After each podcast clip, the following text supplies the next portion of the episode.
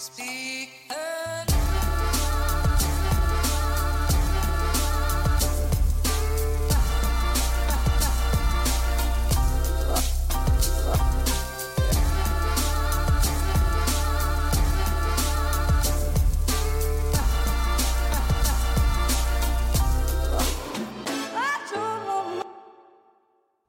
Hallo, og takk for sist, folkens. Herregud, hvor jeg har savna dere. Ikke like mye som dere har savna meg, tydeligvis. Jeg har fått uh, terrormeldinger. Jeg har fått uh, rett og slett beint ut trusler om at hvis ikke podkasten i dag kommer ut, så, uh, så forlater de podkasten min. Og det er jo, det er jo litt Det er jo kjempetrist å få holdt imot seg det nydeligste man har, som er jo lytterne. Dere er jo, dere er jo det eneste jeg har. Dere er ikke det eneste jeg har. Jeg har kjæreste. Jeg har uh, et nytt hus. Jeg har uh, sølvkre. Masse sølvkre. ikke sant, Juliane? J Juliane? Ikke sant? Ikke sant vi har sølvkre? Og det er vårt husdyr. Vi er gått ifra å uh, ha et uh, hospits for uh, vanskeligstilte katter til å, til å huse noen små jævler med sånne tre lange haler. De er, hvis du ser på et sølvkre, hvis, hvis, du googler sølvkre, så ser du noen bilder av de på Google, så er det, det er faen meg skikkelig nasty dyr. Og jeg vet jo jeg har prata om Tidligere i podkasten så jeg prata om sølvkre og skjeggkre. Og at Ja, jeg, jeg sa et eller annet sånn der Ja, nå må folk rose ned det jævla hysteriet rundt de dyrene her, og det er sånn 50% av norske hjem har de, og de gjør ikke noe særlig stor skade. Og så var det en lytter som da arresterte meg. Han sendte meg en lang mail og bare Hei, Kevin. Eh, jeg hørte hva du sa i den sendinga. Du tar masse feil, og du må rettes på. Jeg husker han skrev 'og du må rettes på'. Og han jobba med det her, så han ga meg en lang tirade om eh, om uh, hvor jævlig de dyrene egentlig er og kan være. Um, og så tenkte jeg ja, ja, greit. Uh, det er jo jobben hans. Han er jo avhengig av at de her dyrene skal være jævlige. Og det er jo klart, jeg hadde jo den holdninga fordi at jeg var ikke i den situasjonen. Men i sekundet jeg kom inn her hjemme, uh, og jeg For nå skal det sies at jeg har Eh, en kompis som jeg har kjøpt hus av, han sa at der er, der er litt sølvkre. Jeg har sett et par Det de er nå et par, jeg ser de nå av og til. Og, eh, men, men, jeg syns jeg ser de hele tida. Jeg syns jeg hilser på de Altså, de står klar, med, de lager frokost, har kaffen varm om morgenen. Men de er jo nasty jævla, sant? Det er jo sånn som den kompisen din som bor på sofaen i fem år når han skulle bare overnatte ei lita helg. Hei, Lars. Og eh, og det, det er liksom du, du, får nok av de, sjøl om, om, du på et eller annet ynkelig nivå har en sympati for de. Det var da Jeg har kjøpt permetrin til sånn her 400 kroner, og så er bomba huset. Um, og vi sto og spraya en sånn her mur, en sånn her fasademur fasademur rundt uh, peisen i stad. For der er jo det er jo sprekker. Det er jo da sånn der fasademur er. Det er bare sprekker. Og tenkte jeg lurer på om det er noen der, så jeg begynte å spraye. Og da begynte jo de der jævlene, og de hoppa jo. De, de, sånn, de fikk jo panikk mellom sprekkene der. Og det, det minner meg om uh, World Trade Center, når det sto i brann. Og så bare så du folk bare fra 105. etasje bare 'Jeg håpa det ordna seg', og så bare kasta de seg utfor. Fordi det var jo heller da enn å stå der i, i røyk som holdt 200-300 grader. Så eh, det var nok samme følelsen de hadde. Forskjellen på insekter og de menneskene som hopper ut av World Trade Center, er jo selvfølgelig mange. noen av de har utdanning. Eh, men også da at mennesker, når de detter så høyt, så når de ei ganske høy fart. De, de, det er så høyt at de når terminal velocity. Mens insekter det her har jeg lest, at insekter de kan hoppe fra 1000 meter og overleve når de lander. Fordi at uh, de, de uh, vekta deres er så ubetydelig at, uh, at, de får ikke den farta som skal til for at de, uh, for at de bare drepes når de treffer bakken. Å ja, Kevin, ok, mister fysikk. Hvordan går det overens med at de splettes mot vinduet på bilen min når jeg kjører i de? Jo, fordi at da, da er du det mediumet som holder farta. Så det blir jo det samme som at du uh, smekker et insekt. Du smekker jo et insekt med en enorm jævla bil, ikke sant? så det, det, det kan ikke sammenlignes. Så den, uh, legg bort teorien der. Ta Google uh, insekter og høye Jeg vet ikke faen hva du må google. Jeg vet ikke hvordan jeg havna inn på den artikkelen. Jeg vet ikke hvem som spurte spørsmålet, og jeg vet ikke hvilken journalist som tenkte Jeg lurer på om vi skal ringe en forsker i fysikk og spørre hvorfor kan maur hoppe fra en skyskraper. Det kan du google. Maur, skyskraper. Da tror jeg du blir å finne den artikkelen. Men ja, uh, nå uh, gikk det jo over stokk og stein her. Men dere har fått med dere at uh, jeg og Juliana har kjøpt oss hus. Vi har kjøpt oss en sjarmerende liten kåk i Bodø. Vi har, uh, vi har, utleie i kjelleren. Uh, jævlig kul leieboer. Jeg var og drakk kaffe med han og skrev kontrakt. Og, og gikk en runde med han, bare for å liksom Om det var noe han ønska skulle gjøres, og litt sånn der. Han ville ha, han ha kobla til ventilatoren sin. Så sånn at han kunne lage mat. Uh, det hadde visst vært sånn i ganske mange år. Men så tenkte jeg det skal jeg få til, og det skal jeg få til. Uh, og så har vi en enorm dobbeltgarasje, aka Fjøsen 2.0, for dere som har spurt det spørsmålet.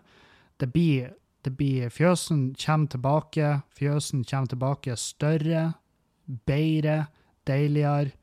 Og Julianne har jo kjøpt, vi har jo kjøpt elbil til Julianne, sånn at hun kan dra og putte inn til byen uh, på jobb. fordi at nå bor vi ganske mye lenger unna jobben til Juliane, så nå må hun nesten pendle. Og, eller det er vel ikke nesten, det er vel faktisk beint ut pendling det hun gjør. Hun må kjøre ja, et kvarter, 20 minutter, halvtime før hun skal på jobb. Alt etter trafikk. Men og hun var sånn 'Herregud, hvor gjevt med dobbeltgarasje. Skal jeg ha bilen min inni der?' Og jeg bare Ja, det det vet jeg nå ikke helt, for der hun peker, der bilen skulle stå, skal jo baren stå. Jo, jeg har jo allerede tegna hvordan jeg vil ha det. Men så må vi jo møtes, jeg og Juliane, en gang, og så må vi diskutere hvordan blir det egentlig der. Så det er veldig typisk Kevin å ha grandiøse planer. Jeg har jo jeg, tror, jeg tror faen ikke Vi har jo ikke pakka ut alle eskene ennå. Det står esker overalt her, ligger verktøy overalt. Um, vi har den ene sofaen som sto i fjøsen. Det er vikarsofa, mens vi får rensa trekkene på den uh, hovedsofaen vår. Ja, uh, jeg vet at Det høres ut som at vi vasser i penger, men det er ikke det vi gjør. Det er ikke det vi gjør i det hele tatt. Vi har bare tilgang til materiell. Um, men i hvert fall uh, vi har ikke pakka ut engang før jeg har revet hovedsoverommet i huset. Jeg har revet det ned til stavene, um, helt ned, og så skal jeg isolere nytt i taket, lekt ut og etterisolere veggene. Det blir, uh, det blir ordentlig. Det blir sånn Kevin pusser opp. Så for dere som følger med på Patrion, så um, jeg, vet det, jeg, vet at det, er veldig stille fra meg der, men nå, nå ble det her det har vært mye rot siste uken. Det har vært jævlig mye stress. Jeg har faen meg gått rundt og holdt på å svime av pga. at jeg, jeg, har ikke hatt energi. Jeg har eh, sovet dårlig. Jeg har, eh, så, så, ja. Så det, jeg beklager, men og i hvert fall nå oppi det flyttestresset. Jeg måtte jo faen meg endevende halve huset bare for å finne et lydkort, sånn at jeg kunne spille inn den podkasten her. Men jeg lover at når jeg kommer såpass til ro, og uh, ro og mak, så, så, skal det bli. Så skal det bli. Fordi at nå Og da blir det sånn oppussingsprogram på Patrion. Det blir, skal dere få lov å være med, meg på steg for steg. Litt hva, hva jeg planlegger, og, og, hvordan vi gjør det. Og, og en ting er Min umiddelbare tanke når jeg kom inn her, det jo sånn her at um, Jeg skal ta alle rommene. Alle rommene skal tas, men det, det, er ikke fordi at jeg syns det ser jævlig ut her, nødvendigvis. Det, det, er bare at det ser ikke ut sånn som jeg ville gjort det. Ikke sant? Så det, og da er, man, da er man egentlig litt sånn her Herregud, det huset jeg har, som så mange i verden skulle gjerne ha drept et annet menneske for å ha, det er ikke bra nok for han Kevin. Så, men jeg er snekker, sant? Og jeg prater om det her på scenen på fredagen, men som snekker så er det første du gjør når du kommer inn i huset til noen, eh, og det det her tipper jeg elektrikere og rørleggere, og egentlig alle håndverkere som jobber med hus og installasjon. Det første vi gjør når vi kommer inn i huset til noen, det er at vi dømmer alt. Vi dømmer huset nord og ned, og spesielt hvis du kommer inn i huset til noen som ikke er håndverker, som vil vise fram i med full iver. Altså, de er jo fette gira, sant? og jeg skjønner fordi at de er stolte av arbeidet de har gjort, men dere skal vite at du må, du, må, du må, ikke skryte av arbeidet du har gjort til en håndverker som jobber med det her, fordi at eh, svært, uhyre svært sjeldent så eh, går vi inn og ser på det du har gjort i huset ditt, og så tenker vi fy faen, det her var jo faen meg fette bra. Det er veldig sjeldent. Jeg, jeg tror jeg har opplevd det kanskje tre-fire ganger i mitt liv uh, i hele mitt liv. I hele mitt 30 år så jeg gått inn i huset til noen som ikke er håndverkere, og så har de visst med arbeidet de har gjort, og så har jeg tenkt fy faen, det her det, Jeg tror ikke jeg kunne gjort det bedre sjøl. Og det skjer jo selvfølgelig, men det er svært sjeldent. Og, og ikke, ikke, bli demotivert. Ikke bli demotivert. Hvis du driver på å pusse opp huset ditt, gjør det. Så lenge, du, så lenge du gjør det sånn at du syns det er fint, så, så, er det Hvem i helvete bryr seg om hva jeg syns, eller hva kompisen din som er elektriker syns? Ingen bryr seg. Ingen bryr seg. Det eneste Ja, du bryr deg, uh, fruen din eller eh, mannen din bryr seg, og takstmannen bryr seg. Takstmann og meglere. De går inn i hus der folk har holdt på sjøl, og så tenker de Jesus fucking Christ, den her eh, den her provisjonen, den blir Den ferien til Thailand neste år, den ble plutselig til, en, uh, til et spikertelt i misvær. Og det, jeg tror det er jævlig fort at, uh, at folk går, går, seg på en smell. Men, og det er jo sikkert det jeg òg blir å gjøre. Jeg blir sikkert å overarbeide med, og så blir jeg deprimert, og så blir jeg alkoholiker. Nei da. Nei da. Jeg skal ta det med ro. Jeg skal ta rolig. Jeg skal gå fram fornuftig, og så skal jeg ta ett rom om gangen. Det er liksom for det er feilen alle gjør. Alle begynner overalt, og, og jeg klør allerede i fingrene. Jeg kjenner det. Jeg driver på opp på hovedsoverommet, og der har jeg mye arbeid igjen.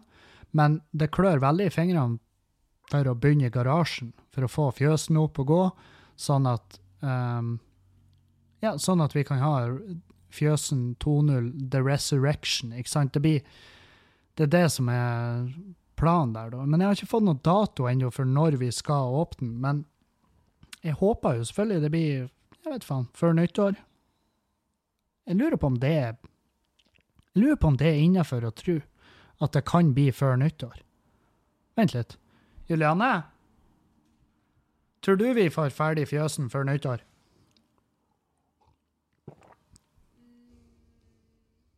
Hvis du, hvis du skal Hvis du skal bare hva tror du? Du tror nei? OK? For Julianne er den realistiske, altså, så jeg må ta høyde for at uh, hun kanskje har et uh, kjempepoeng. Men det, det, er derfor jeg, For jeg har jo fått det, det, det, er artig at så mange har sendt Og det her er oh, Mange har sendt melding, og så har ikke mange sendt melding. Men det er faktisk mange som har sendt melding og spurt om det aldri blir Fjøsen live igjen, og det blir det. Men Uh, det blir jo selvfølgelig når, når, det er klart for det. Og um, vi har litt arbeid som skal gjøres der ute, og først så må jeg ta Først så må jeg bygge soverommet vårt, sånn at jeg kan legge Juliane i seng og breie henne inn med dyna, og uh, hun kan se opp på spottene i himlinga og bare føle seg, føle seg som den dronninga hun er. Og så må jeg ha ferdig studioet, Uh, der jeg skal spille inn podkastene, for jeg kan ikke sitte på kjøkkenbordet mens hun ligger på sofaen og ser film hele tida. Um, eh, så det blir et studio, og det skal bli, det skal bli mitt kontor uh, slash gjesterom. Og så skal vi ha et sminkerom slash gjesterom, der og Julianne skal sitte og pudre nesen og bli uh, enda nydeligere enn hun er. Og så, og så går vi løs på fjøsen. Og nå blir det inn, på fjøsen, vet du, der blir det innlagt vann. Ja, du kan tru, det skal bli ny, det skal bli flott, herregud. Og den garasjen, det er jævlig feit, fordi at det er et, det er et loft der. Det er et svært helvetes loft med ei inngangsdør eh, som går rett ut på mark, og, eh, og, så er det vindu, og det er liksom Det er muligheter at eh, det, det, er muligheter for utleie der, sant? Og da er det jo eh, Plutselig så får vi inn mer penger i måneden. Så hvem vet, kanskje en dag, kanskje en dag i livet vårt så så, eh, så sitter vi her med et hus som bare nesten betaler seg sjøl. Så hiver vi inn en femtilapp når når, når vi føler at ja, jeg vil nå bli ferdig med det huslånet litt fortere. Mm -hmm. Så Og så et spørsmål jeg har fått veldig mye, er jo hvordan i helvete har du, Kevin, fått huslån? Og jeg kan se sånn at eh, folk har eh, trødd til. Der er mennesker som har gjort enorme ting for meg, og, um, og gitt meg muligheter til å uh, få et nytt og bedre liv. Og um, de er evig takknemlige. Og jeg vet at, jeg vet at uh, den personen hører på, og jeg er skyldig den personen livet mitt. Det er jeg. Og masse penger. Men Uh, fordi at selvfølgelig, det, det, Jeg har jo prata mye om min rotete økonomi her i podkasten, og, og, um, og, det er klart, det, det, det, er jo et veldig sårt tema, og man føler seg jo faen meg, man føler seg jo helt ubrukelig. ikke sant? Jeg har vært, når jeg har sittet i banken, og vi har jo uh, Hvis jeg skal anbefale noen, så har vi han Jarle i Sparebank1 uh, Nord-Norge. Jarlemann. Uh, Jarle Babe. Uh, kaller han mye rart. Han har kalla meg kjære en gang i telefon, så vi har en lingo der gående. Uh, men i hvert fall, han Sjelden bra dude. Veldig forståelsesfull, men også samtidig ekstremt ærlig. Sånn her han, han gjør jobben sin sånn som den burde gjøres, for han sier du, nå uh, har du for høye ambisjoner. Dette er ikke mulig for det. Du, du kan ikke gjøre det. Uh, det, blir ikke, det, blir ikke, å skje. Beklager. Han har ingen problemer med å si det. Og det, og det gjør han jo Han gjør jo ikke det for å være en pikk. Han gjør jo det for å unngå at jeg og Julianne f.eks. Uh, eh, skakkjører sjøl. Så hvis vi hadde bedt om et huslån på fem mil, om han har fette lyst til å gi oss da, så har han ikke kommet til å gjort det, fordi han vet jo at øh, da blir det trøbbel, da blir det tvangssalg, og så havner de i et busskur, og så må vi selge huset med tap, og så ender det med at alle er uvenner, og så skylder vi på han Jarle etterpå. Jarle han ga oss et altfor høyt huslån. Ja, fordi at dere trua mannen på livet. Derfor. Han var jo redd. Han har jo en familie, din kuk. Sant? Så, så nei. Uh, jeg har, jeg har, vært i bank og følt at jeg har bare blitt flira av, håna og uh, ikke blitt tatt seriøst. Men det føler jeg ikke i det hele tatt i Sparebanken, fordi at, i hvert fall hos han det, da, fordi at han har bare, han har bare sagt det sånn som det er. Og bare OK, du har gjort det her og det her, derfor så vises det rødt her, det er et veldig, det er et, det er et trist fjes der, eh, bla, bla. Og da og, da, og så har han forklart det. Og ofte så har han forklart ting fordi at han merker at OK, han Kevin har, han har virkelig ikke peiling på hva det her går ut på. Så han forklarte meg da på barnehagenivå. ikke sant? Han har, han har vært sånn her OK, eh, Per har eh, tre epler, ikke sant? Og de eplene tilhører ikke han Per. Han Per har lånt de av en kompis. Og, og, og, så har han i tillegg lånt ti epler av eh, en butikk mens butikken de vil ha tilbake 15 epler. Og så tar han Per de tre eplene og så gir han de til butikken. Uh, og da er han fortsatt skyldig butikken tolv epler og kompisen sin tre epler. Og så begynner kompisen å bli utålmodig.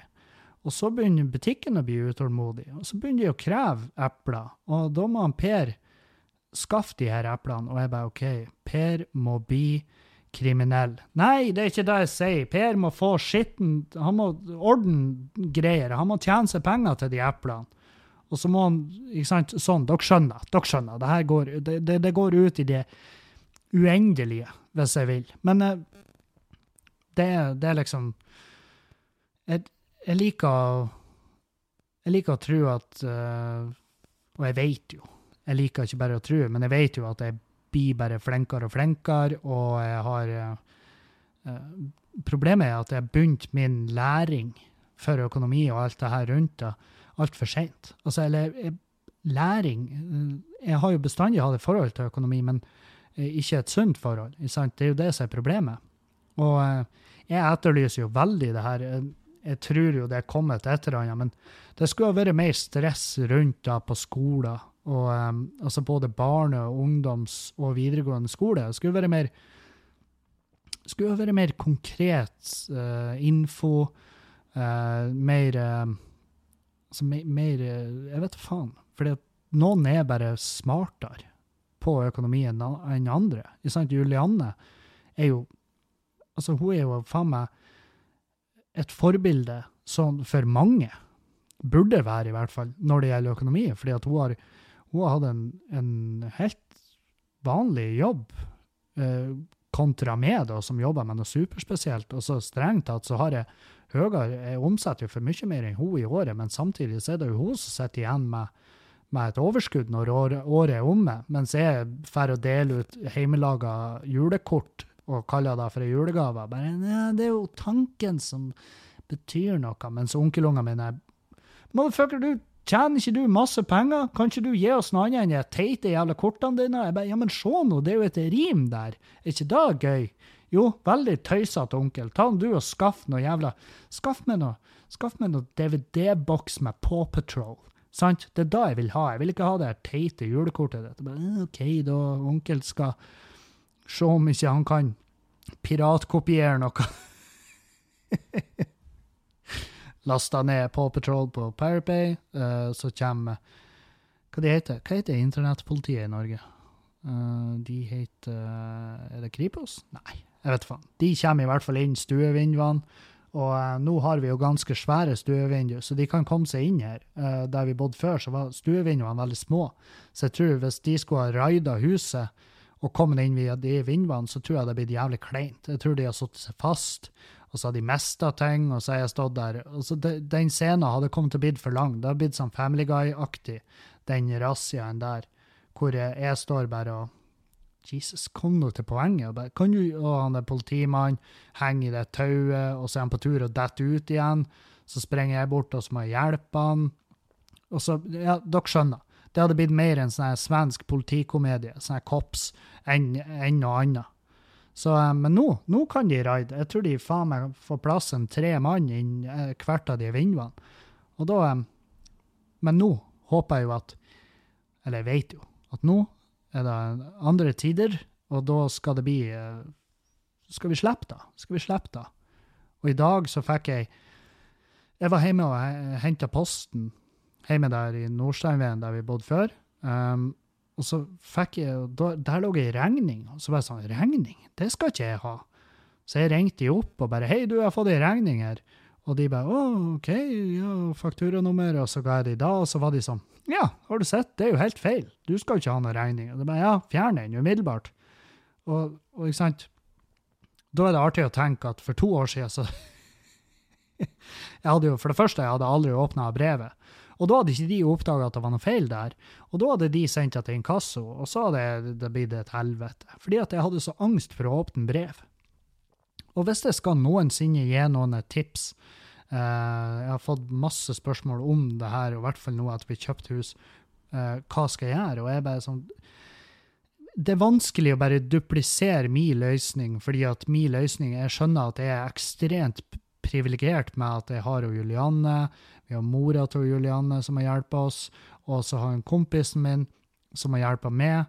Og da, uh, så det er vanskelig å bare kopiere den løsninga, men, men uh, sånn rent, bare sånn rent økonomisk så er det Begynn å åpne de jævla brevene, begynn å ringe, få avtaler. Og de, du aner ikke, fordi at uh, Misforstå meg rett, de, ingen av de der, verken, ingen kreditorer, ikke Kredinor, ikke Lindorf, ingen av de bryr seg om det. Men de bryr seg om pengene dine. Og de vil gjerne ha inn penger.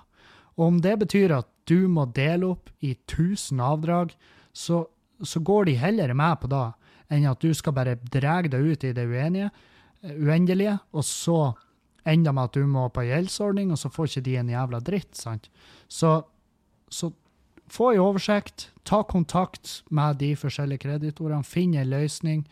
Si at 'jeg kan betale det her i måneden', og så sier de ja, det, det var litt lite, kan du betale noe mer? Og så sier du 'ikke foreløpig'.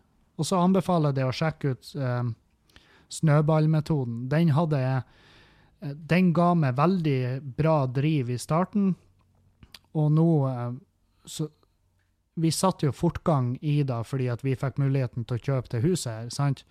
Og, um, og da um, Derfor stresser jeg. Hvis ikke jeg hadde kjøpt Hvis jeg ikke hadde kjørt fortgang i det, så hadde jeg vært Hvis jeg hadde fulgt den snøballmetoden, så hadde jeg vært gjeldsfri om ett og et halvt, to år, kanskje. Jeg mener det var noe sånn, uh, ifølge den oppskrifta. Uh, så la oss si to år, to og et halvt. ikke sant? La oss ta med noen måneder der jeg, der jeg fucka det opp. ikke sant? Men det, det, er lov å fucke opp. Det er lov å fucke opp, men det er også lov å bare ta tak i det hvis du har fucka opp. sant? Det er det som er løsninga. Løsninga er på ingen måte å la de brevene ligge uåpna.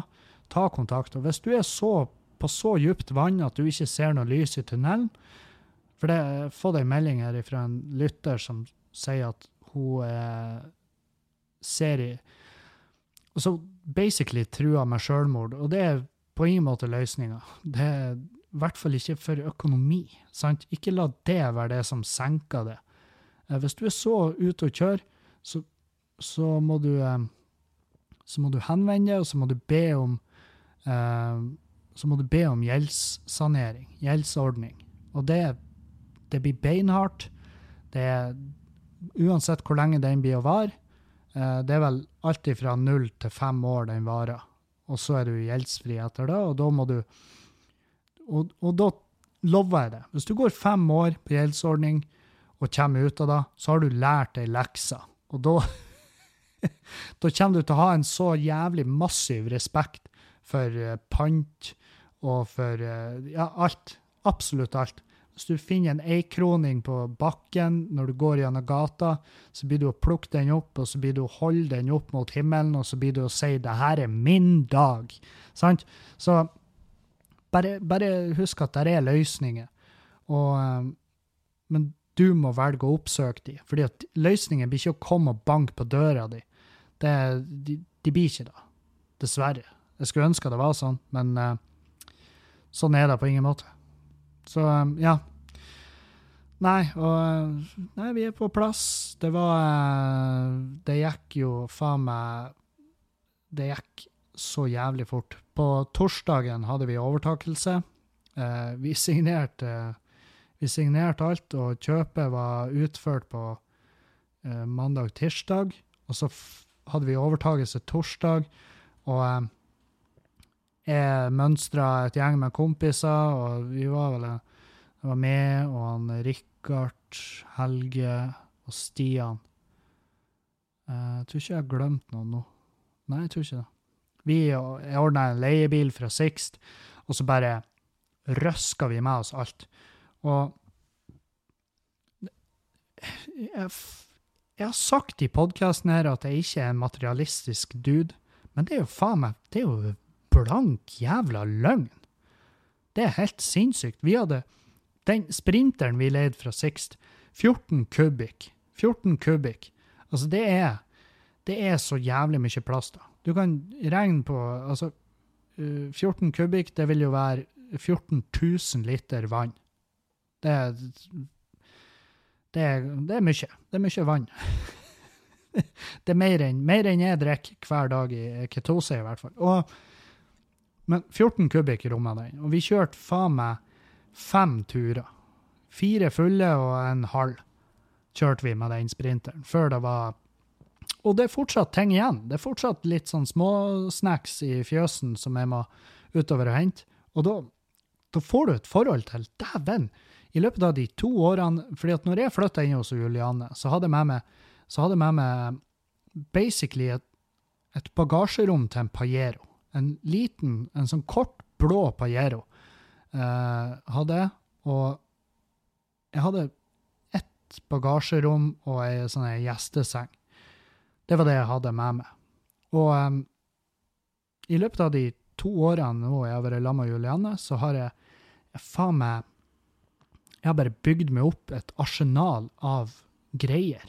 Nå, nå, nå, må også, nå, må det også nevnes at jeg har jævlig mye verktøy fra tida mi som tømrer, og, og mye av det uh, har jeg jo hatt stående hjemme hos han pappa i, på hytta der.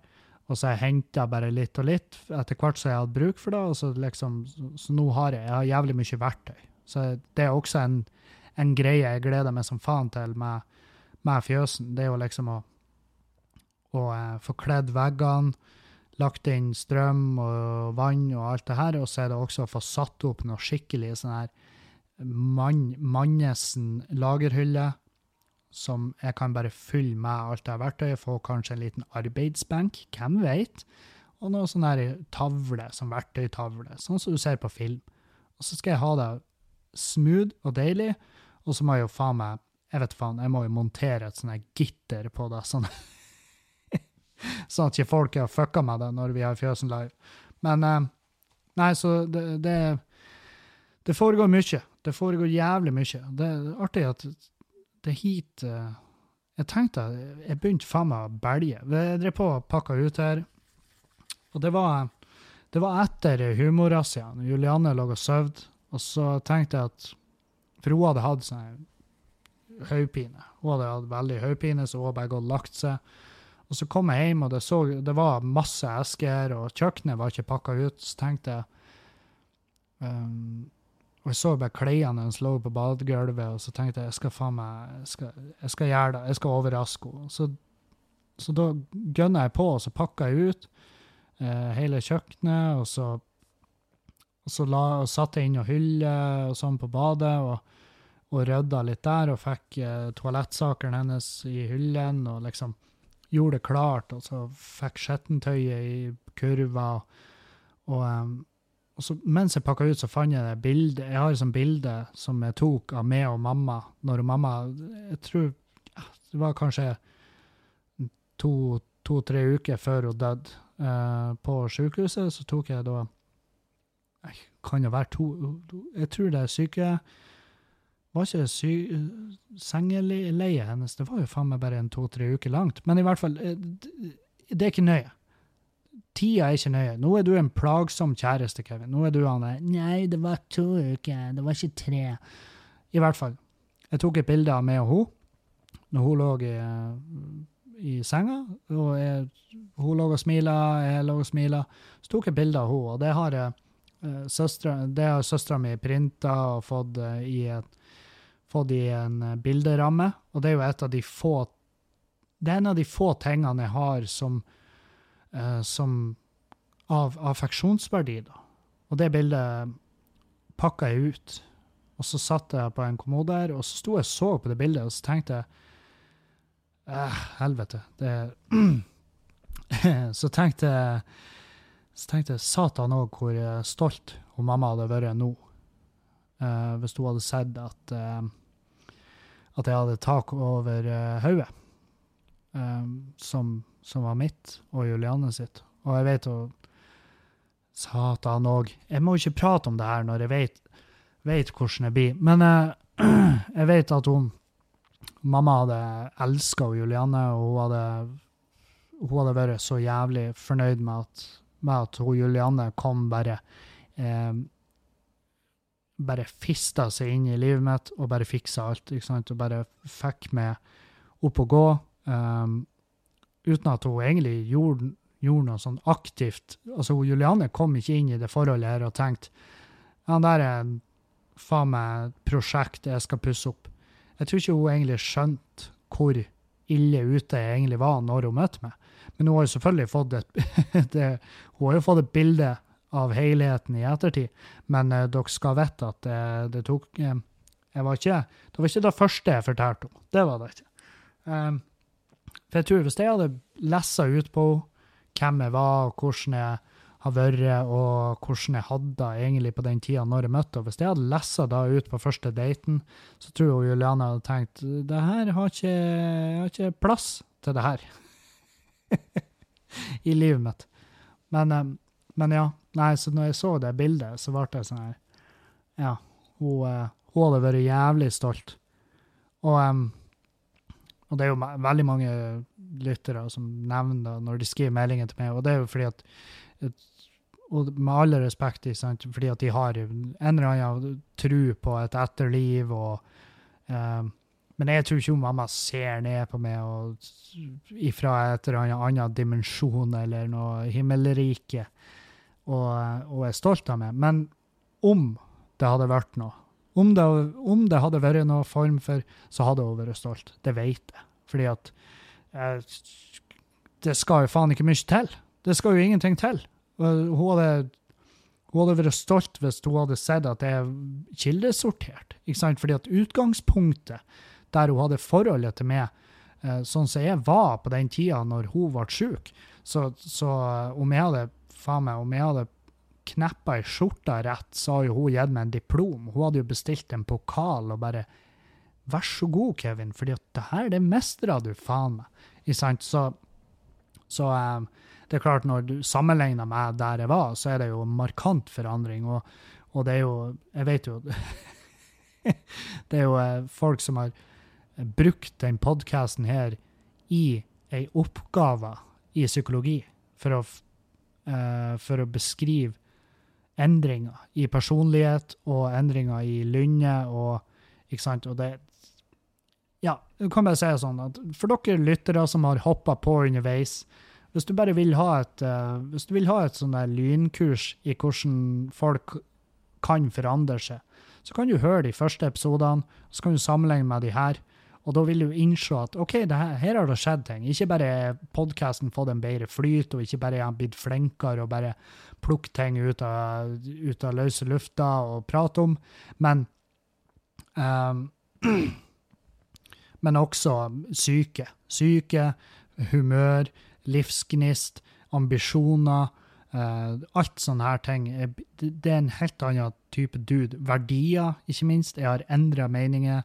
Jeg har um, ja, sant? Jeg, jeg, har lært, og jeg har vokst opp mens dere har hørt på. Og, um, og det er også deres feil, fordi at uh, veldig mange av dere har skrevet meldinger hvor, uh, på de punktene der jeg har vært helt urimelig, der jeg har sagt ting som ikke stemmer, og, og dere er jævlig flinke å rette på meg, og det håper jeg at dere fortsetter med. Um, og, men også at ros, ris og ros, uh, betyr egentlig alt. Jeg har noen lyttere som bare straight up bare plager meg, uh, og det går fint, fordi jeg har også lært meg å ignorere. Jeg er blitt jævlig flink å ignorere. Hvis det er noen som er, er enten for mye eller er in, intens med Om det er detaljer om hvordan de enten skulle ha drept meg eller knulla meg, begge de, begge de, to er like ubehagelige. Det er faktisk mindre ubehagelig å lese uh, en melding om hvordan uh, de skulle ha drept meg. For, For da tenker jeg sånn Ja, det hadde vært jævlig dumt av det hvis du, hvis du faktisk på ekte planla å drepe meg, så hadde det vært veldig dumt. Da har du, du har jo gått all in da, hvis du har gjort det på den måten du har er beskrevet her. fordi at Hvis de hadde blitt drept i dag, så tror jeg politiet de hadde, Det hadde tatt dem to minutter før de innså at jeg tror faen vi skal gå gjennom innboksen til han jævelen her. fordi at uh, vi, ifølge vitner, så har han en tidvis provoserende podkast. Og jeg tror ikke den er så jævla provoserende. Jeg tror ikke jeg bryter noen jævla barriere. Jeg tror ikke jeg er ute og jeg er i hvert fall flink å si det når jeg merker sjøl at jeg er ute på isen og prater om ting jeg egentlig ikke har peiling på. Så jeg er jævlig flink å bare si det at OK, det her er, det her er bare min mening, og jeg har ikke peiling på hva jeg snakker om. Og det, og det tror jeg også lytterne etter hvert har fått et sånt forhold til at OK, Kevin han prater veldig ofte om ting han ikke har peiling på. Uh, jeg tror det er veldig mange som har hørt ting i den podkasten og bare rista på hodet og tenkt det, det, det, det, er ikke sant, uh, det er ikke rett. Uh, men jeg orker ikke å rette på fordi at han gjør nå bare sin greie, og jeg gjør min. Og um, ja. Nei, så um, Men ja. Jeg, faen havner jeg her ute. Um, men artig at, artig at folk har savna Det er, det er vel bare én episode jeg har missa, ikke sant?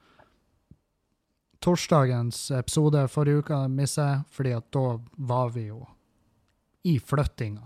Og, og jeg prøvde jo, jeg, jeg var i jeg, jeg drev jo på og prøvde å lappe sammen et podkast-sett, sånn at jeg kunne podkaste litt i helga, men eh, det ble bare rot, fordi at jeg fant ikke alt utstyret jeg trengte. Og endelig i dag så fant jeg sånn at jeg kunne mekta i hop og bare spille inn et eller annet. For jeg orka ikke spille inn på telefon eller iPad, fordi at jeg har hørt lydkvaliteten kontra når jeg har det ordentlige utstyret. Det er helt sinnssykt for en forskjell det er.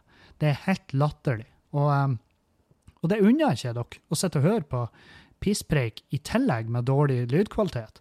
En ting er jo at det er dårlig eh, At, det, at det, innholdet er faen meg i beste fall ymse.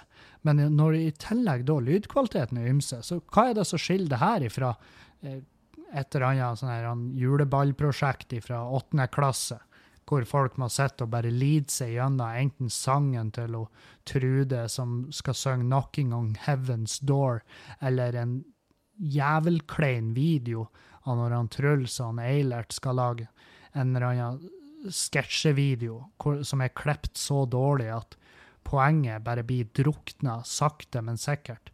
Mens at foreldrene sitter og smiler og later som at de er stolte av ungene sine, mens det de egentlig gjør, er å snuse, og så ser de de stirrende, dømmende blikkene fra de andre foreldrene i salen som tenker 'fy faen, jeg er glad sønnen min ikke har noen behov for å hevde seg'.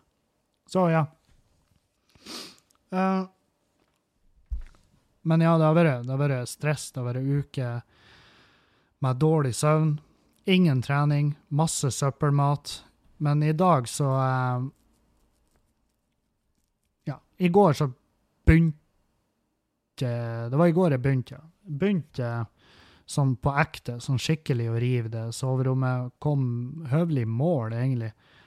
Um, så tenkte jeg jeg skulle gjøre det i dag, og så bare gjøre ferdig den rivinga, og så begynne å bytte ut isolasjon og sånn.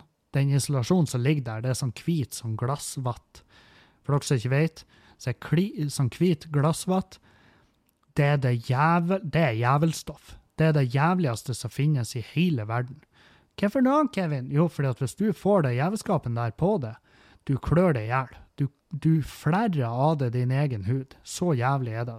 Hvis det stikker seg inn i huden, du ser ut som ei jævla lavalampe.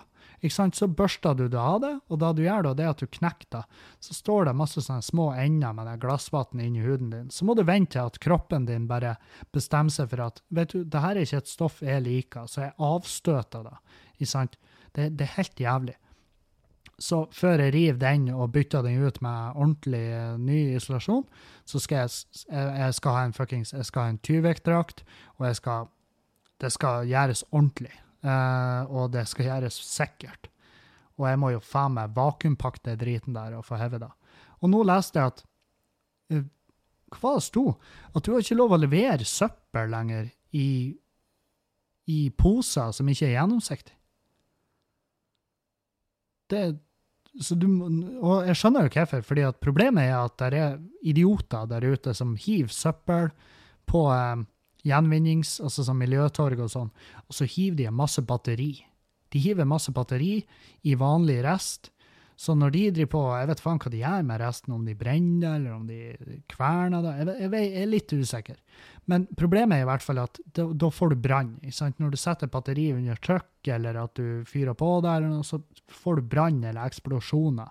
Så der er jo en og annen nisse som er å hive batteri der, som nå har gjort det til at jeg har faen meg fem ruller med søppelsekker som jeg aldri egentlig får bruk for. Jeg vet ikke hva jeg skal gjøre med de. Juliane, baby! Hva vi, hva vi skal gjøre med de her søppelsekkene nå, når det er ulovlig? Jeg vet faen. Det var du som sa det til meg. Du visste meg, Var det en spoof? Var det en Dagbladet? Ja, men Dagbladet er jo tidvis legit, ikke det? Ja, men er, er, er, de sier at det er ulovlig, men er det sånn u, ulovlig hvis vi blir tatt med en søppelsekk? For, kan det hende at de kommer inn her og bare 'Har dere søppelsekker?' Og så viser vi det til dem, og så blir vi anholdt, liksom. Eller er det sånn at jeg må kølle ut all søpla når jeg kommer opp på Iris nå og skal tømme? Jeg vet faen.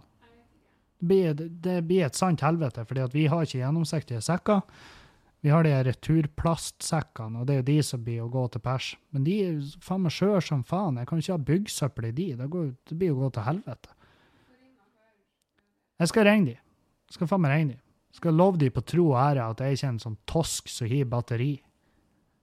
De skal leveres inn som farlig avfall, folkens. Batteri, og det er gratis å levere, så jeg skjønner ikke hvorfor folk gjør det.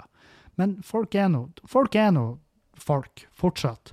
Og blant folk, blant, eh, la oss si, 1000 mennesker, så er det vel statistisk sett 100 av de som er fette idiot. Og det er de som hiver batteri i matsøppel og bare Jeg lurer på om de finner humor i det her. Nei, selvfølgelig er vi ikke da, din idiot. Ditt jævla naut. Selvfølgelig finner vi ingen glede i at du er, en, at du er, at du er rent miljømessig tilbakestående. Sant? Så um, Men ja. Det var sikkert noen som hørte det her nå og tenkte faen, er det sant? Ikke ikke lov å levere. Så jeg ødela dagen til flere, og det Vet du hva? Kall meg en drittsekk, men jeg finner litt trøst i at flere fikk ødelagt dagen sin av den nyheten. Så ja, her er vi i Nykåken og, og går rundt og ser oss rundt og er sykt takknemlig, og både til han eh, kompisen min som kontakta meg og ga oss muligheten til å kjøpe det huset. Det, det er mitt, liksom. Det er vårt. Og eh, det, skal bli, det skal bli tidenes kåk. Altså, det er jo allerede da i våre øyne. I våre øyne så er det her det beste huset i verden. Og det er faen meg, sjøl om vi går hånd i hånd i en sånn kongolinje med sølvkre og øh, rare løsninger snekkermessig, det er vårt sølvkre, og det er våre rare løsninger snekkermessig. Og, eh, og det er sånn eh, En kompis av meg bare «Øh, 'Dritnasty, har du sølvkre?' Da kommer ikke jeg på besøk. Og jeg tenkte 'bra'! det passer meg ypperlig. For det er en type sånn fyr som, eh, som bare ikke vet sin besøkelsestid, og så bare eh, stikker han aldri hjem. Og det, det er sånne folk du gjerne unngår. Um, Sølvkre, for dere som jeg har googla litt, sølvkre de liker fukt. sant? Og fukt, og eh, det må man få bukt med. Fukt må du få bukt. ikke lite rim til dere der eh, på tampen av kvelden. Men så, så det, er en, det er en indikator på at jeg må fikse et eller annet en eller annen plass. Og eh, som tømrer så har jeg et par teorier, og de teoriene skal jeg eh, De teoriene skal jeg sette til verks. Jeg skal prøve. Jeg skal prøve, og jeg skal feile, men jeg skal komme til en løsning på det. Og samtidig så er det sånn der at eh, det er ikke noe, det er ikke til å stikke under en stol. Du kan google det, men sølvkre, skjeggkre, alle de dyrene her blir bare mer og mer vanlige i norske hjem. Og jeg tipper at hvis ikke det kommer en sånn der superkur, eh, hvor du kan bombe hus med en gass en gang, så bare vil ikke dyrene noensinne trives her igjen. Med mindre det kommer noe sånn, så tipper jeg at innen 20-10-20 år, så har alle norske hjem en eller annen form for de her jævlene. Um, men du kan fjerne de tingene som gjør at de trives. Skjeggkre er litt verre, fordi at de lever jo på mye av den byggemassen. Mens sølvkre de, de trives veldig godt med fukt, så det er en indikator på at du har et eller annet en eller annen plass som burde utbeires. Og når du utbeirer da, så vil ikke de trives lenger, og så bare dør de ut. Eh, For de har da ikke noe fett. Hvis de ikke har det fett, så fester de ikke, og da knuller de ikke, og så blir det, så bare dør bestanden ut. Så, ja.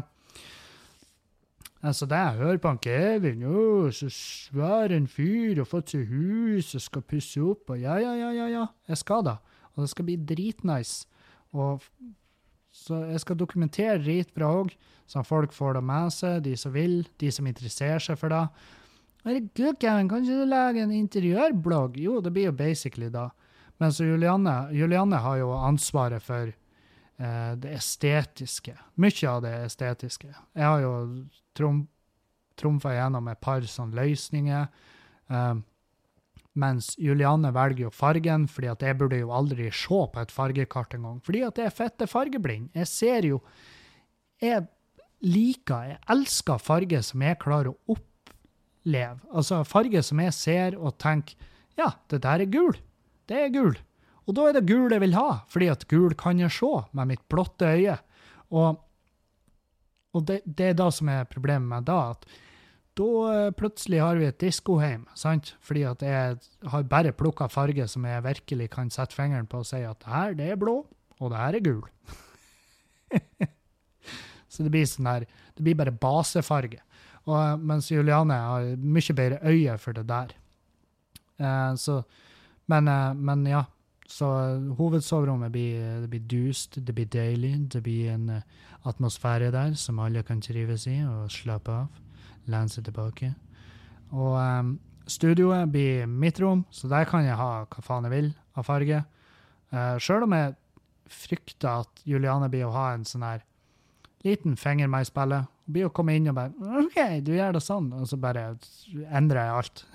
fordi, fordi, at uh, Jeg vet faen. Fordi jeg har en respekt for henne. Og uh, samtidig en sånn der Jeg trives aldri så godt som jeg gjør når Julianne smiler og flirer og er glad. Sant? Det er derfor jeg gjør ting. Uh, derfor jeg går og uh, i stedet for å legge meg sånn som jeg burde gjøre, så pakker jeg ut fra flyttelasset vårt til fire-halv fem om natta. Og så går jeg og legger meg, og så står jeg opp samtidig som hun klokka åtte, bare for å se reaksjonen hennes når hun ser hva jeg har gjort. Og det smilet og den gleden i øynene hennes, det gjorde alt verdt det. Og Nei, så Men ja, i dag så har jeg vært Planen var jo at jeg skulle fortsette på soverommet i dag og bare peise på. Um, men sånn ble det ikke, fordi at de trengte hjelp på båten, og jeg trør til. Har jeg muligheten, hvis jeg har noen form for mulighet, så, så hjelper jeg til. For det, er da jeg har lova de, at jeg, hvis jeg kan, så skal jeg. Og strengt tatt så kunne jeg. For det, det, er ikke noe megahast med det rommet, men uh, så, så, jeg for nedover, og uh, det var jo faen meg full, fullt hus i dag. Det var brygging. Uh, jeg hadde ansvaret for brygginga, så resten av gjengen de på og tapper uh, på boks. Så, um, så jeg Og veldig artig å få litt sånn ansvar, sjøl om jeg trenger jo uh, Jeg har jo gått og pekka han Steinar, som er liksom guruen nede på Bådin. jeg har gått og pekka han på skuldra i hele dag og liksom bare dobbeltsjekka at det jeg gjør, er riktig. Jeg fikk, litt, jeg fikk en reprimande fordi at jeg hadde vært jeg hadde slett arbeid i forbindelse med rengjøring av en tank, og det tok jeg 100% på min kappe, for det var Jeg så bildene. Han har tatt bilder bare for å liksom forklare meg hva er det jeg har gjort feil. Og jeg så bildene og jeg tenkte ja, det der er jo faen meg det er jo kardinalfeil. Hvis de hadde tappa øl på den tanken etter jeg angivelig hadde rengjort den ordentlig, og så var det ikke ordentlig rengjort, så hadde jeg ødelagt Uh, jeg hadde faen meg, jeg hadde rasert 2000 liter øl. Og det er, det er dumt. Det er svært uheldig, er vel å si det mildt. Så det tok jeg 100 på min kappe, og så lærer jeg av det. Og uh, det var det han sa. Det eneste grunnen til at jeg sier ifra til det, det er at du må lære. Og, men jeg har ansvaret for brygginga. Det gikk smooth. Det gikk uh, på skinner, om du vil. Og etter da så måtte jeg så for jeg og møtte en eh, sånn konsulant eh, på Byggmaker og prata om en litt forskjellige sånn løsninger med eh, fjøsen eh, slash garasjen og et vindfang som vi vil gjøre større og lengre, sånn at vi får en ordentlig yttergang. Litt sånn forskjellige byggtekniske greier. Og så, så var det rett utover til eh, maskinisten. Og der Fordi at jeg, det her er greia. Dag Sørås sprenger fortere med på femkilometeren. Uh, Kevin Kildahl finner seg ikke i det. Kevin går i strupen på Dag. Vi uh, Jeg tror ikke Dag er like Jeg tror ikke han er like kom, uh, Er det lov å si kompetitativ? Nei, det er ikke lov å si. Da høres det ut som du har slag. Eh, han er ikke like eh, konkurranseinnstilt som meg. Men jeg var sånn, jeg skrev til han at det, det er uaktuelt for meg at du sprenger fortere meg, og det, det er bare én måte å løse det på. Det begynner å sprenge. Og um, jeg har meldt meg på der uh, i Form nå, som er noe greier Bodø nå har. Og Sondre, Sondre i Bodø nå, som er faen meg Ja, han er Bodøs sprekeste. Det er ingen som sprenger maraton så fort som han, og han har peiling. Han har jævlig peiling på sprenging, løping, uh, trim. Og han har da en sånn greie med Bodø nå, hvor folk som vil, kan komme og joine, og så sprenger vi i lag.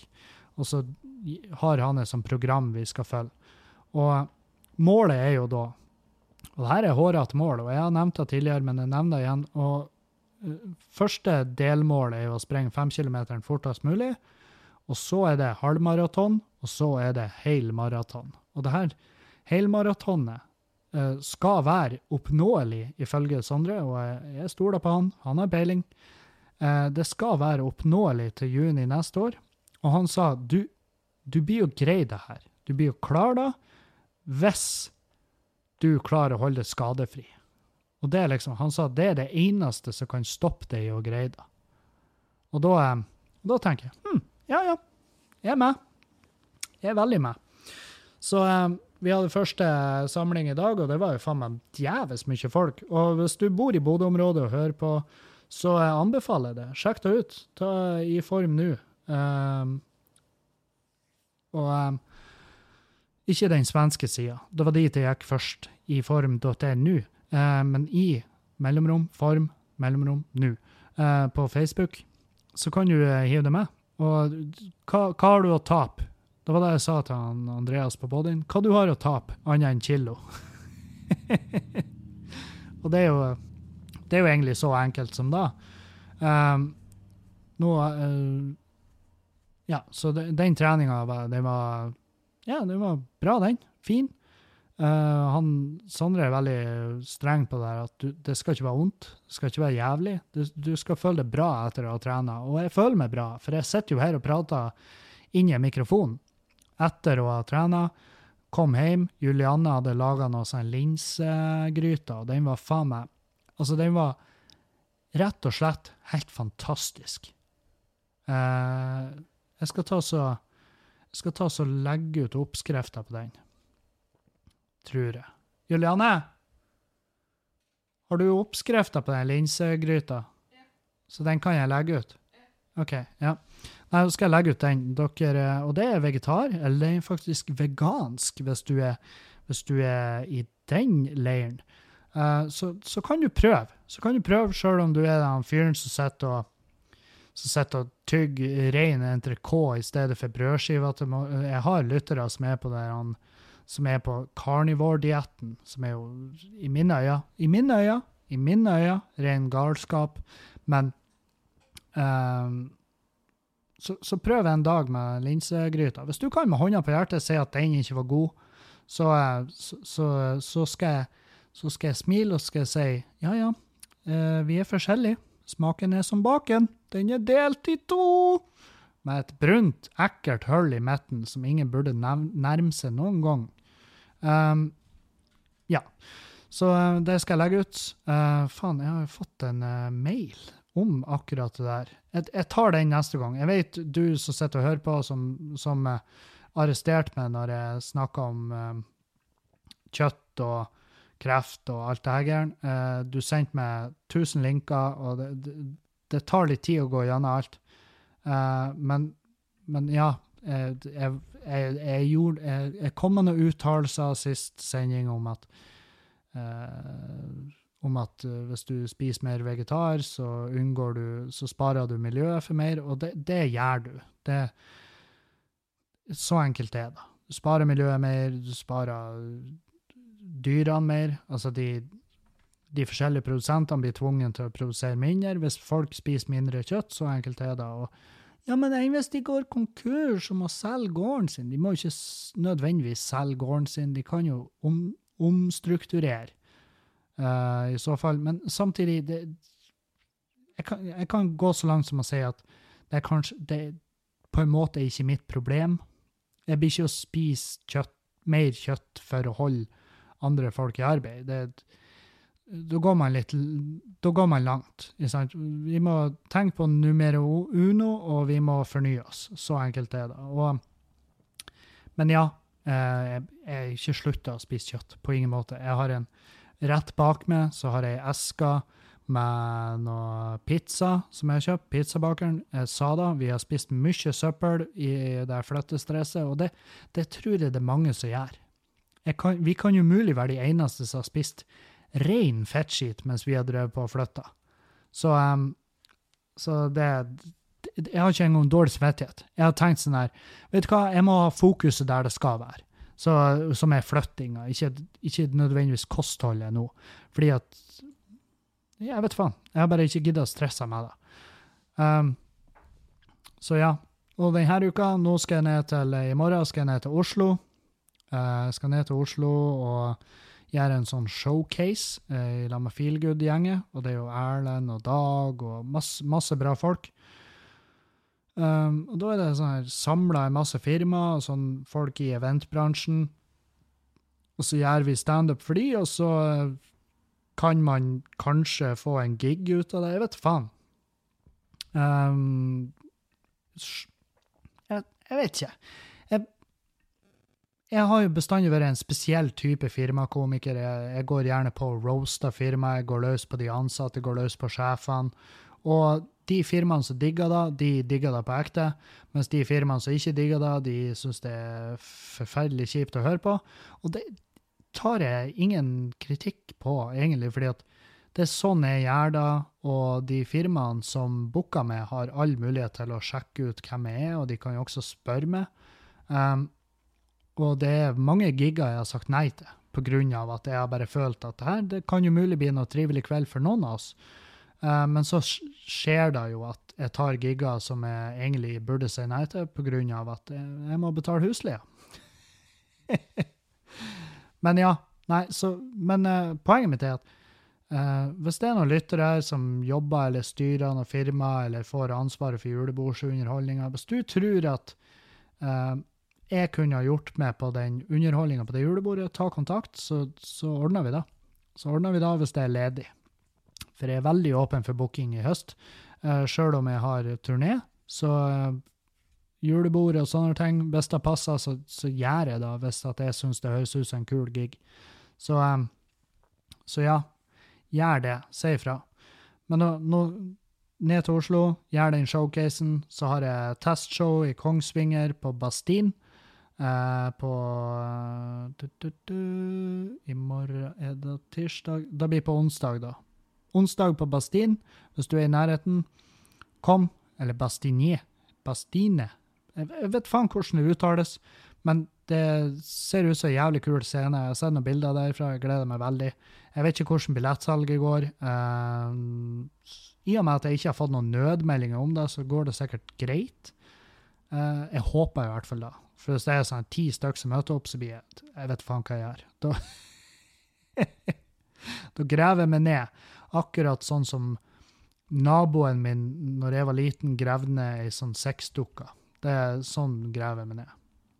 Tenk da, han, han er vi, Det er stygt å si, men vi hadde sånn kallenavn på han, og vi kaller han Pedokalle, men det, det, var bare Vi var barn, sant? Vi var barnslige barn, eh, og det var det kallenavnet vi ga han.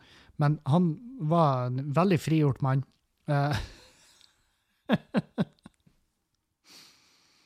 Eh, Han bodde alene i en kåk, og så har han en dag så han vært ute og gravd ned i sexdukka. Og, eh, og så hadde en av naboene sett at han gjorde det.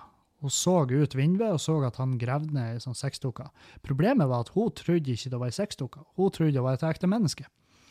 Uh, så hun ringte jo selvfølgelig politiet, fordi at naboen drev på å grave ned et lik. Og uh, det var jo faen meg full halloi. Og da måtte han være med politiet ut og vise hvor han har gravd ned det, de liket, og så måtte de grave opp den sexdukka. Og jeg, jeg, kan bare gjette meg til for en latterkrampe det var det, ja, i den politibilen på tur hjem. For de holdt seg jo dønn alvorlig og bare Du skjønner ikke, for det her så veldig suspekt ut og bla, bla. Men tru i bilen på tur hjem. Tru, jeg tipper det var stille i sånn to minutter fra de kjørte, og så begynte den ene betjenten og knis, og så bare brøt hele bilen ut i en sånn her Den type latter at de måtte kjøre til sides og ut og spytte og liksom For det, det, det må jo ha vært det artigste oppdraget i historien. Å rykke ut til noe som de trodde kom til å bli så forferdelig som at de fant et lik. Og selvfølgelig, som, sikkert hvis, og spesielt hvis de nyutdanna politibetjenter, så hadde de sikkert tenkt å, herregud, hvor spennende, et drap. Og så var det bare seks stykker som var grevne. Men, men jeg tipper at hvis det var noen rutinerte i bilen, så var de både letta, og samtidig var de helt i hundre av hvor fette artig det her var. Så ja, nei, eh, jeg håper Kom, kom hvis du er i nærheten av Kongsvinger. Kom på show Bastin onsdag. Dørene åpner seks, og uh, showstart sju. Um, ja, nei, så ned til Oslo skal jeg tar med meg podkastutstyret. Jeg lover jeg, jeg, jeg, gjør alt jeg kan for å få en dag i prat, og vi har, vi har en halvveis avtale på det i morgen, så, um, så det, det, blir. Uh, det er bare usikkert når. Og Jeg er bedre forberedt på været denne gangen. Sist når jeg for, nå når jeg var i Oslo sist på RDK-festivalen, det var for varmt. Det var altfor varmt. Jeg satt ute der på Peoples, og det var sånn her Faen, det var 28 grader eller noe. Jeg satt i dungeribuksa. Og det var så varmt at det, det dryppa fra meg. Så jeg vet ikke, jeg tror ikke jeg fortalte det her. Uh, men i hvert fall, jeg gikk inn i baren. Jeg jeg sa til Marlene og Hans Magne jeg bare, jeg, jeg, jeg må gjøre noe. Jeg, jeg blir jo klippe buksa. Og de bare nei, du skal ikke begynne å klippe buksa. Det, det gjorde jeg. Jeg gikk inn i baren. Så sa jeg hei, har dere saks? Og hun bare what? Jeg bare oh, I'm sorry. Og så begynner jeg med den jævla idiotengelsken min, sant? Og jeg bare Do you have some scissors, maybe, so I can uh, borrow, you know? Og hun bare ja, ja, og så ga hun meg ei saks. Og så tok jeg den saksa, og så bare gikk jeg rett mot dassene og inn på dass. Og eh, jeg tenkte jo ikke over at det her kanskje ser litt eh, dumt ut. At det uten tvil ser litt dumt ut. Og eh, så jeg renger av med buksene, og så begynner jeg å klippe. Og så hører jeg det banker på døra, og, eh, og det var sånn Hello? Hello? You borrowed some uh, scissors? Og jeg bare Å, fuck. Fordi at da skjønte jeg jo at æh, det her så jo jævla dumt ut. En fyr kom i baren, lånte ei eh, saks, og så forsvant han inn på dasset. Altså, det er jo tusen ting jeg kunne ha funnet på med den jævla saksa. Jeg kunne ha stått der og klippet opp et eller annet uh, narkotikum. Jeg kunne ha vært der og klippet ballhårene mine. Jeg kunne ha vært der og skada meg sjøl. Eh, jeg tipper jeg tipper det er 40 ting hun tenkte jeg gjorde med den saksa, som er helt jævlig med tanke på bruken til den saksa. Jeg tror ikke hun tenkte at han er inne og klipper buksene sine av, og det kunne jeg jo ha sagt. Jeg kunne jo ha skjenka hun den visdommen, den kunnskapen at OK, nå låner han saksa, og så går han inn og så klipper han buksa si. Ferdig med det. Nei da, Kevin han tar bare saksa, går rett inn på dass og lurer på hvorfor de står og banker på døra etterpå. Så hun banka på døra. Og bare 'You borrowed some scissors'.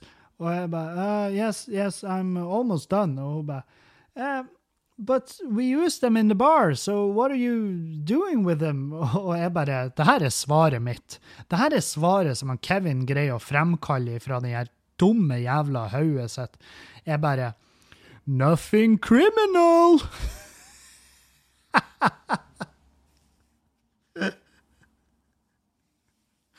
Og hva tenker hun da?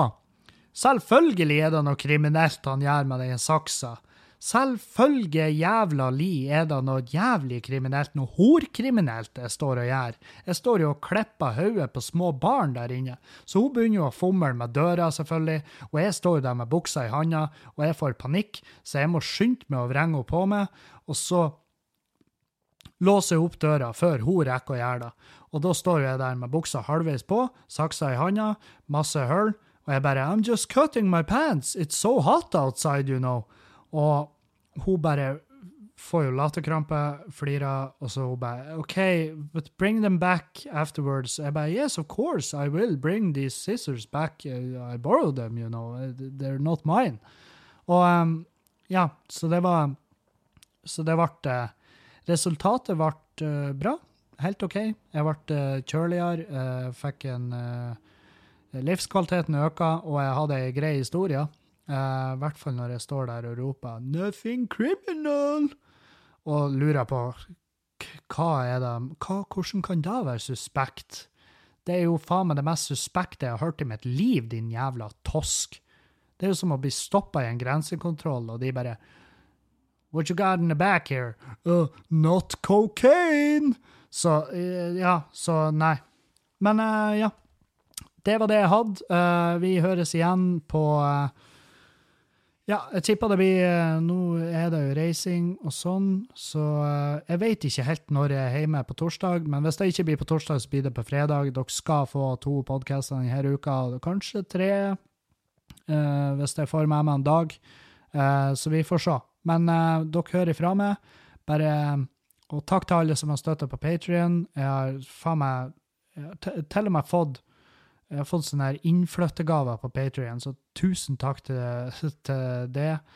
Og eh, ja, faen, huslegen òg har gitt oss eh, innflyttegaver. Det er jo svært, svært koselig. Eh, så takk for det.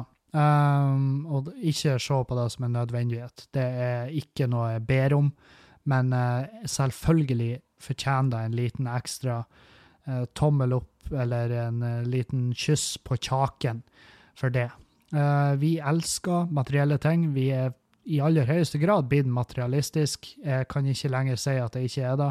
Fordi at når jeg har sett at vi har 14 ganger 5 kubikk med eiendeler, så er vel at vi kaller oss antimaterialister, er vel ren jævla løgn. Så det var dagens pod. Tusen takk for meg. Vi høres igjen. Asap. Glad i dere. Auf Wiedersehen!